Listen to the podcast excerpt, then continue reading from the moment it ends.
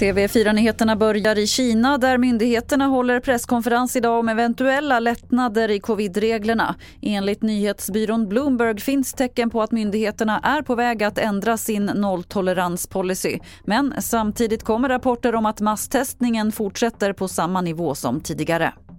Här hemma har polisen ännu inte gripit någon misstänkt efter skottlossningen i Göteborg i natt. Flera skott ska ha avlossats mot en lägenhet i stadsdelen Gårdsten.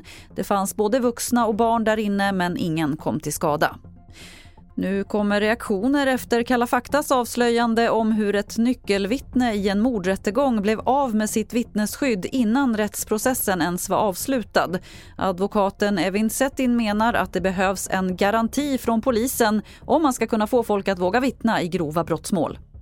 Garantin innebär att eh, när du väljer att vittna så ska du få hela samhällets stöd. Stödet till att flytta till en annan ort, stödet till att eh, både komma, få ett nytt liv, få jobb, att hela ens familj men också en syskon får den skydden. Men det är också att man inte kan dra tillbaka skyddet. Det är väldigt viktigt, för det här är någonting som fortsätter hela livet. Hotbilden kvarstår hela livet. Fler nyheter finns på tv4.se. Jag heter Lotta Wall.